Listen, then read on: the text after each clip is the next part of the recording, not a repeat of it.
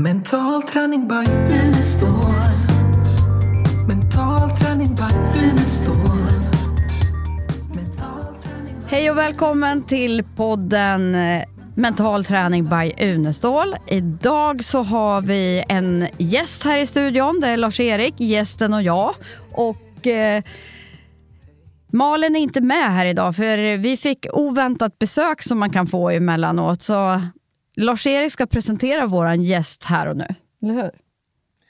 Ja, du ska få presentera dig själv, men eh, Barbro Sundberg, du är här eh, för många orsaker, men eh, bland annat därför att eh, du har gett ut en bok som har väckt stort uppmärksamhet i Sverige och som har med eh, den mentala träningen också att göra.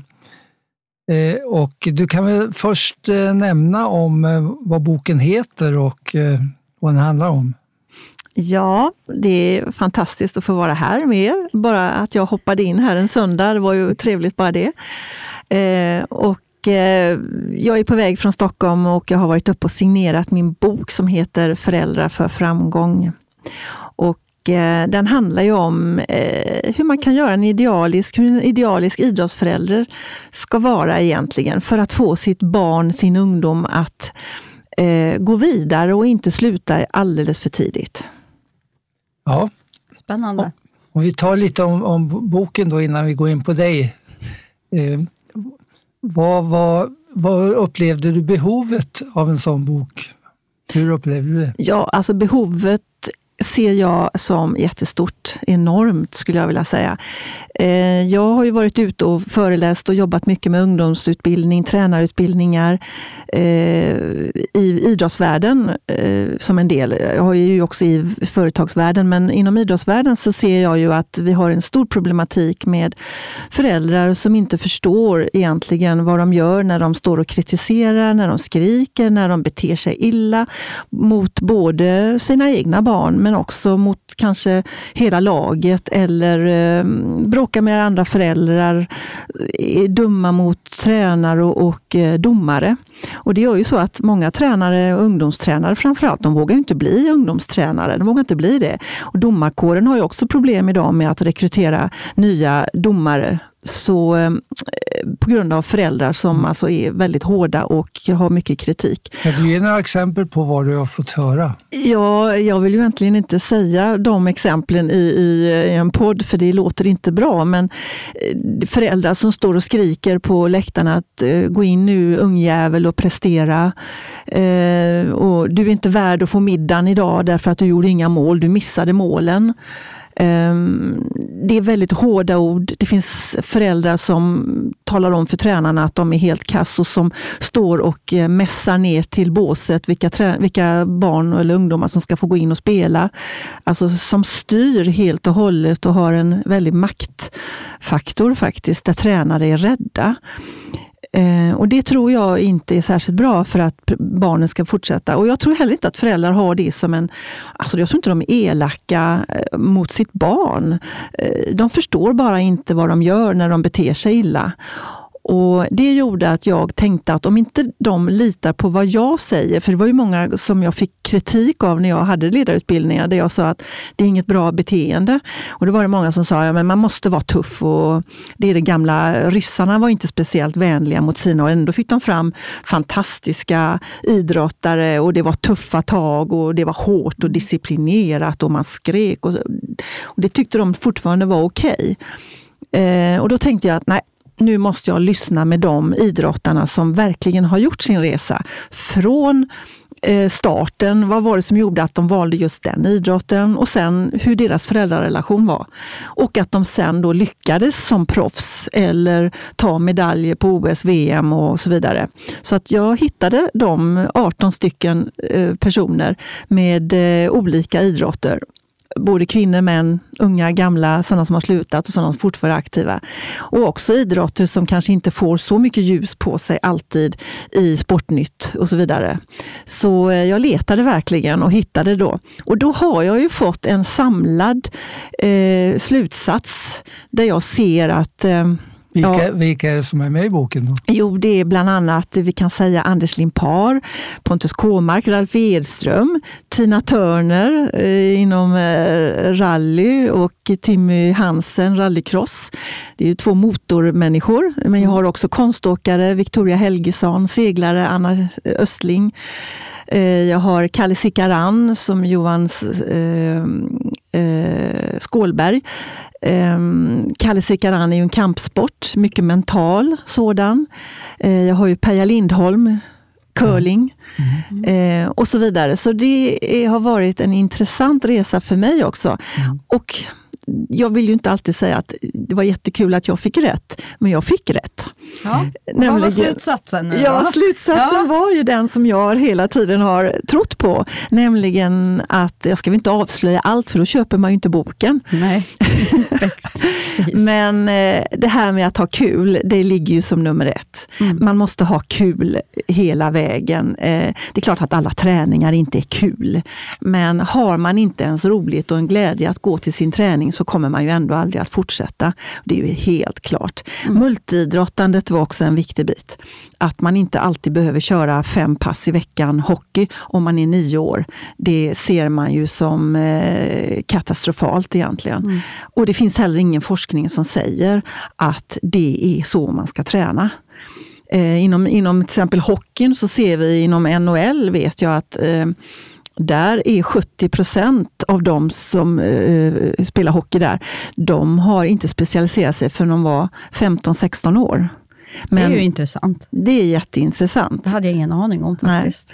Och ehm, Många forskare menar ju på det att det är ingen större idé att man kör bara hockey när man är nio år. Utan, och min idé då, det är ju att man ska göra lite olika saker, nämligen multiidrotta. Och då är det många som säger, eller någon som säger, ja, men jag kan ju inte låta mitt barn vara med i tre olika sporter. Nej, men det behöver man inte. Däremot så kan ju tränarna tänka i de här banorna att någon gång i månaden så kör vi simning istället för hockeyträning. Eller vi kör fotboll. Eller vi är ute och cyklar i skogen. Eller vi går till klätterställningen, klätterväggen. Ehm, för då menar jag att då skulle man få in väldigt mycket mer olika kunskaper och förmågor i, som man kan använda i sin sport. När Man blir lite man blir ju mycket bredare. En hockeyspelare eller en fotbollsspelare har ju nytta av att, att så att säga åka skridskor. För det är en balansträning som även en fotbollsspelare har nytta av. Ja, precis. Visst var det väl något sånt här lag där i norr, var det Östersund eller vilka var det som eh, någon tränare gjorde massa eh, ovanliga grejer? Var det fotboll eller ishockey? Ja, det var ju fotboll då Ja. under deras storhetstid för några år sedan. De, gjorde, ja, de hade eh, teater. teater och, Ja, de gjorde teater. De hade nog någon sånggrupp, tror jag, kör. De gjorde lite olika saker Ja. och det, det gör ju att det var roligt. Och annorlunda, ja. Man Annorlunda. byggde ihop teamet på ett ännu bättre sätt på det sättet. genom Exakt. att Man fick umgås med olika saker. Ja. Ja. Att, eh, eh, men just det här att eh, man tycker det är roligt då när man håller på, eh, och särskilt i, i unga år. Då, det gör väl också att eh, eh, eh man Tidigare då har man ju haft den här tidiga selekteringen som du pratar om då, utifrån tron på att tidig framgång ger sen framgång. Men det har ju avslöjats de sista tio åren att så är det inte. Det, det är som vi kallar det talang förut. Det gäller inte längre. Det är väldigt liten koppling mellan tidig framgång och senare framgång. Och det, har, då, det gör ju då att det är väldigt viktigt att eh, man kombinerar träningen med att man har kul under ett stort antal år Ja. innan Ja, det blir allvar. ja. För annars hinner du ju inte se de som man kallar för late bloomers. De Nej. som är sena i sin utveckling. Du hinner ju aldrig se dem för de har slutat Ja. innan de fick visa vad de kunde. Mm. Eh, De har inte blivit uppmärksammade under tiden, för det har ju talangerna, så kallade talangerna, fått. De har tagit över. De har tagit över all uppmärksamhet. Sen när de får ny konkurrens, när barnen, de andra barnen kommer ikapp, både i kroppsstorlek och kanske i mental storlek, Mm. så orkar de inte för man har aldrig så att säga, byggt deras självkänsla. Nej. Att de duger ändå, även om de inte presterar. Eh, och de andra har ju slutat på grund av att de fick aldrig något ljus på sig. Nej. Nej. Så vi missar ju oerhört där är det ju många. många föräldrar som har dödat sina barns drömmar genom att de har sagt vid 13-14 års ålder att det går ju inte så bra för dig, du ska nog pröva någonting annat. Ja, Istället för att förstå det här att Ja. tidig framgång Ja. behöver man inte. Nej. Och då, det är ju det jag brinner för, att eh, få föräldrar att vara med i den processen framåt. Så att vi verkligen inte dödar våra barns drömmar och istället hjälper till. Mm. Och att tränarna har ett, också ett samförstånd tillsammans med föräldrarna. Det är Mm. oerhört viktigt att det är ju en, en sån vad ska man säga, en sån stor del i barnens liv, föräldrar och tränare. Barnen förstår ju inte hur de blir behandlade tills de blir lite äldre. Förstår inte varför de kanske mår dåligt av att gå på träning eller är ro- oroliga när de ska spela match. De förstår inte varför det händer. Men senare förstår de ju att ja, men mina föräldrar stod och skrek på mig och jag skämdes för mina föräldrar. Det är inte bra. Vi Nej. måste Nej. öka längden på varje persons idrottsaktivitet. Och idag så sägs det ju att eh, någonstans runt 11 år pikar ju idrottaren, idrott, ungdomsidrotten, att de slutar någonstans runt det. Och istället övergår man till sporter som parkour, klättring, eh, sådana som mera är individuella sporter där man inte behöver samspela med andra Mm. och när man inte har lika stor press. Men eh, idrottsvärlden, eh, RF, har ju en stor devis om att nu måste vi hålla ungdomarna kvar så länge som möjligt. Och det gör man bara genom att man också har kul. Mm. Vad tycker du, vad är det som har hänt nu under pandemiåret och ungdomsidrotten, när man inte har kunnat träna? Ja, det har ju också varit en stor smäll för ungdomarna och för de olika föreningarna idag som står och, och är, är ganska förtvivlade över hur många barn som har slutat idrotta. När man aldrig fick komma till sin idrottsträning så gjorde man ju det att man till slut tappade tålamodet, tappade sugen, gick över till lite andra saker. Och andra saker är ju ofta där man sitter och spelar tv-spel. Eh, och den, jag säger inte att det är fel, men jag tror inte på att det är bra för en eh, ungdom eller ett barn att spela fem, sex timmar om dagen Nej. tv-spel. Det, det kan jag aldrig tro att det är bra.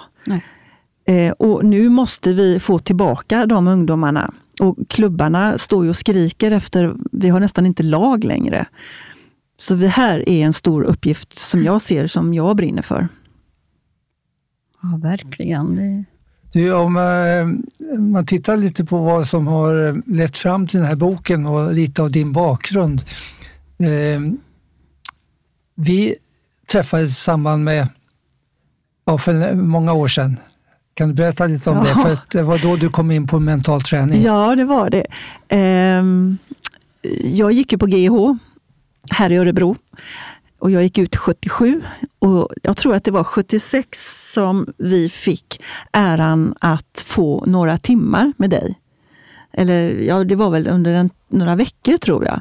Där vi bland annat åkte skidor och eh, hade vår vinterutbildning där vi skulle åka skidor och vi skulle tänka oss hur man åkte den här eh, slalombanan istället för att vi fick information om eh, hur man skulle hålla armar, ben, huvud, axlar och så vidare som vi hade haft mycket information om innan i vår utbildning. Det var ett intressant försök eftersom eh, jag jämförde det där med att eh, ge er instruktioner om eh, tekniken med att bara visualisera åket och sen överlämna till kroppen. Ja. Ja. Och så skulle vi sjunga också. och sen sjöng man medan kroppen åkte ner. Ja. Och det var det som gick allra bäst medan när man skulle tänka på eh, tekniska instruktioner, då gick det inte alls lika Nej, bra. Och inte alls lika snabba. Så det var ett jätteintressant försök. Ja. Mm. Och sen var det också basket. Ja. Vi skulle kasta Ja, det. basketboll och se hur många det, mål ja, vi för- gjorde. ett Ah. av de första försöken där man Ja. fick, eh, eh, hade en grupp som var nere och tränade basketskott en gång om dagen i 14 dagar och en grupp som satt hemma och visualiserade samma basketskott Mm. utan att röra bollen. Och de förbättrades lika mycket som de som stod och kastade Ja. Ja. Jämfört med en kontrollgrupp som inte tränade alls. ja, precis. Så att, eh, det, var jätteintressanta försök. Så att det, man kan säga att det var lite av de här första försöken i mental träning som gjorde att äh, mental träning började bli mer och mer populärt. Ja, och, och jag, jag hade ju varit intresserad av de mentala processerna innan. Eh, jag hade ju försökt att hitta material och, och, och böcker i ämnet. Eh, och jag tänkte att det måste finnas mer än att man ska stå och lära sig hur man gör en kullerbytta från A till Ö eller, eller en instruktion hur man åker skidor eller vad det nu än var för någonting som vi ju praktiserade. Vi praktiserar ju alla idrotter på, på GH för att bli duktiga idrottslärare. Eh, och sen när jag då fick det här med, med dig där, så kommer jag också ihåg, jag vet inte om du minns det Lars-Erik, att du hade skrivit ett litet häfte som hette Autogen träning. Ja. Och då frågade du om jag ville bara korrekturläsa det eh, rent svenskmässigt. Så då, Nej, det kommer jag inte ihåg. Nej. Och då gjorde jag det några gånger och då fick jag ju tillgång till att vara i den här världen som gjorde att jag var så lycklig. Mm. Och sen utbildade jag mig då här uppe hos er på Skandinaviska ledarskolan. Ja, Eller- sen har du gått vidare och utbildat dig till mental tränare och, så. Och coach. och coach. Ja. Precis också. Och mental sports trainer. Ja, det också. Ja, det såg vi på, på din bil som står utanför Ja. här. Vi får se om vi kan ta ett kort och få med i podden då. Ja. Ja. Ja, Ja, så att jag är väldigt tacksam att få vara i den här världen och jag skulle vilja verkligen eh, jag får ju mycket hjälp av dig eftersom du skriv, varit med i mitt första kapitel också i boken och du står på framsidan också. Det är ju som en välsignelse att ha med dig där och det känner jag är en, en stark del i att jag tror att den här boken kommer att bli en framgång. Att jag har med dig, men också um, Igor Ardoris som jag ser upp till som en fantastisk coach och mentaltränare. Han har ju skrivit ett kapitel också. Eller jag har ju skrivit det med honom. jättebra. Sen har ju du också lovat att eh, de som lyssnar på det här ska kunna få tillgång till boken på ett lite eh, enklare och billigare sätt än eh, när de går till bokhandeln. Och eh, då går de in på www.logistikteamet.se snedstreck SIU. Då kommer de att träffa på din bok för ett jättebra pris. Så att eh, det är vi tacksamma för att eh, du låter våra lyssnare få tillgång till den här boken på det sättet. Mm. Absolut. Ja, men det är jättebra. Ja. Och dessutom ska du ju faktiskt komma hit till Örebro. Vi ska ju ha en höstdag.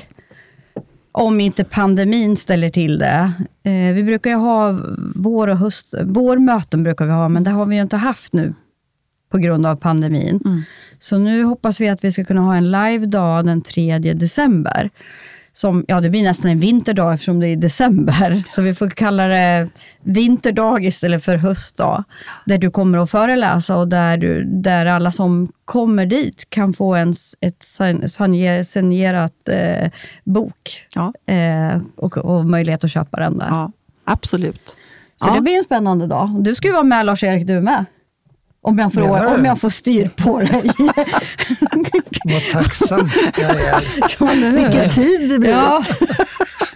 Så det kommer att bli eh, ett antal spännande föreläsningar och temat är sport och idrott. Mm. Så att det passar perfekt ihop med det, den bok som du har skrivit. Ja. Ja, jättespännande. Ja. Det brinner säger jag. Eh, Vi måste ut nu. Vi måste rädda dem som har gått till, från idrotten till annat. Vi måste rädda dem tillbaka och vi måste se till att vi har en stark föräldragrupp som faktiskt kan vara med och göra mycket fina saker, mycket gott för våra idrottande ungdomar. Absolut, det ska vi jobba för, eller hur? Ja. Ja, ja vad då bra. har ju tiden gått. Mm. Ja, så då får vi eh, tacka att du gled in här med din bil och tog en fika här på söndagsförmiddagen och sen att vi fick möjlighet att spela in den här fantastiska podden. Tack så mycket för att jag fick vara med. Jättebra. Ha det så Och, bra! eh, kom ihåg, om ni vill eh, beställa boken, www.logistikteamet.se SIU. Yes! Tack för det. Perfekt. Ha Tack. det bra. Ha det bra, hej då! Hej då! Mental träning by Unestål. Mental träning by Unestål. Mental träning by Unestål. Mental träning by Unestål.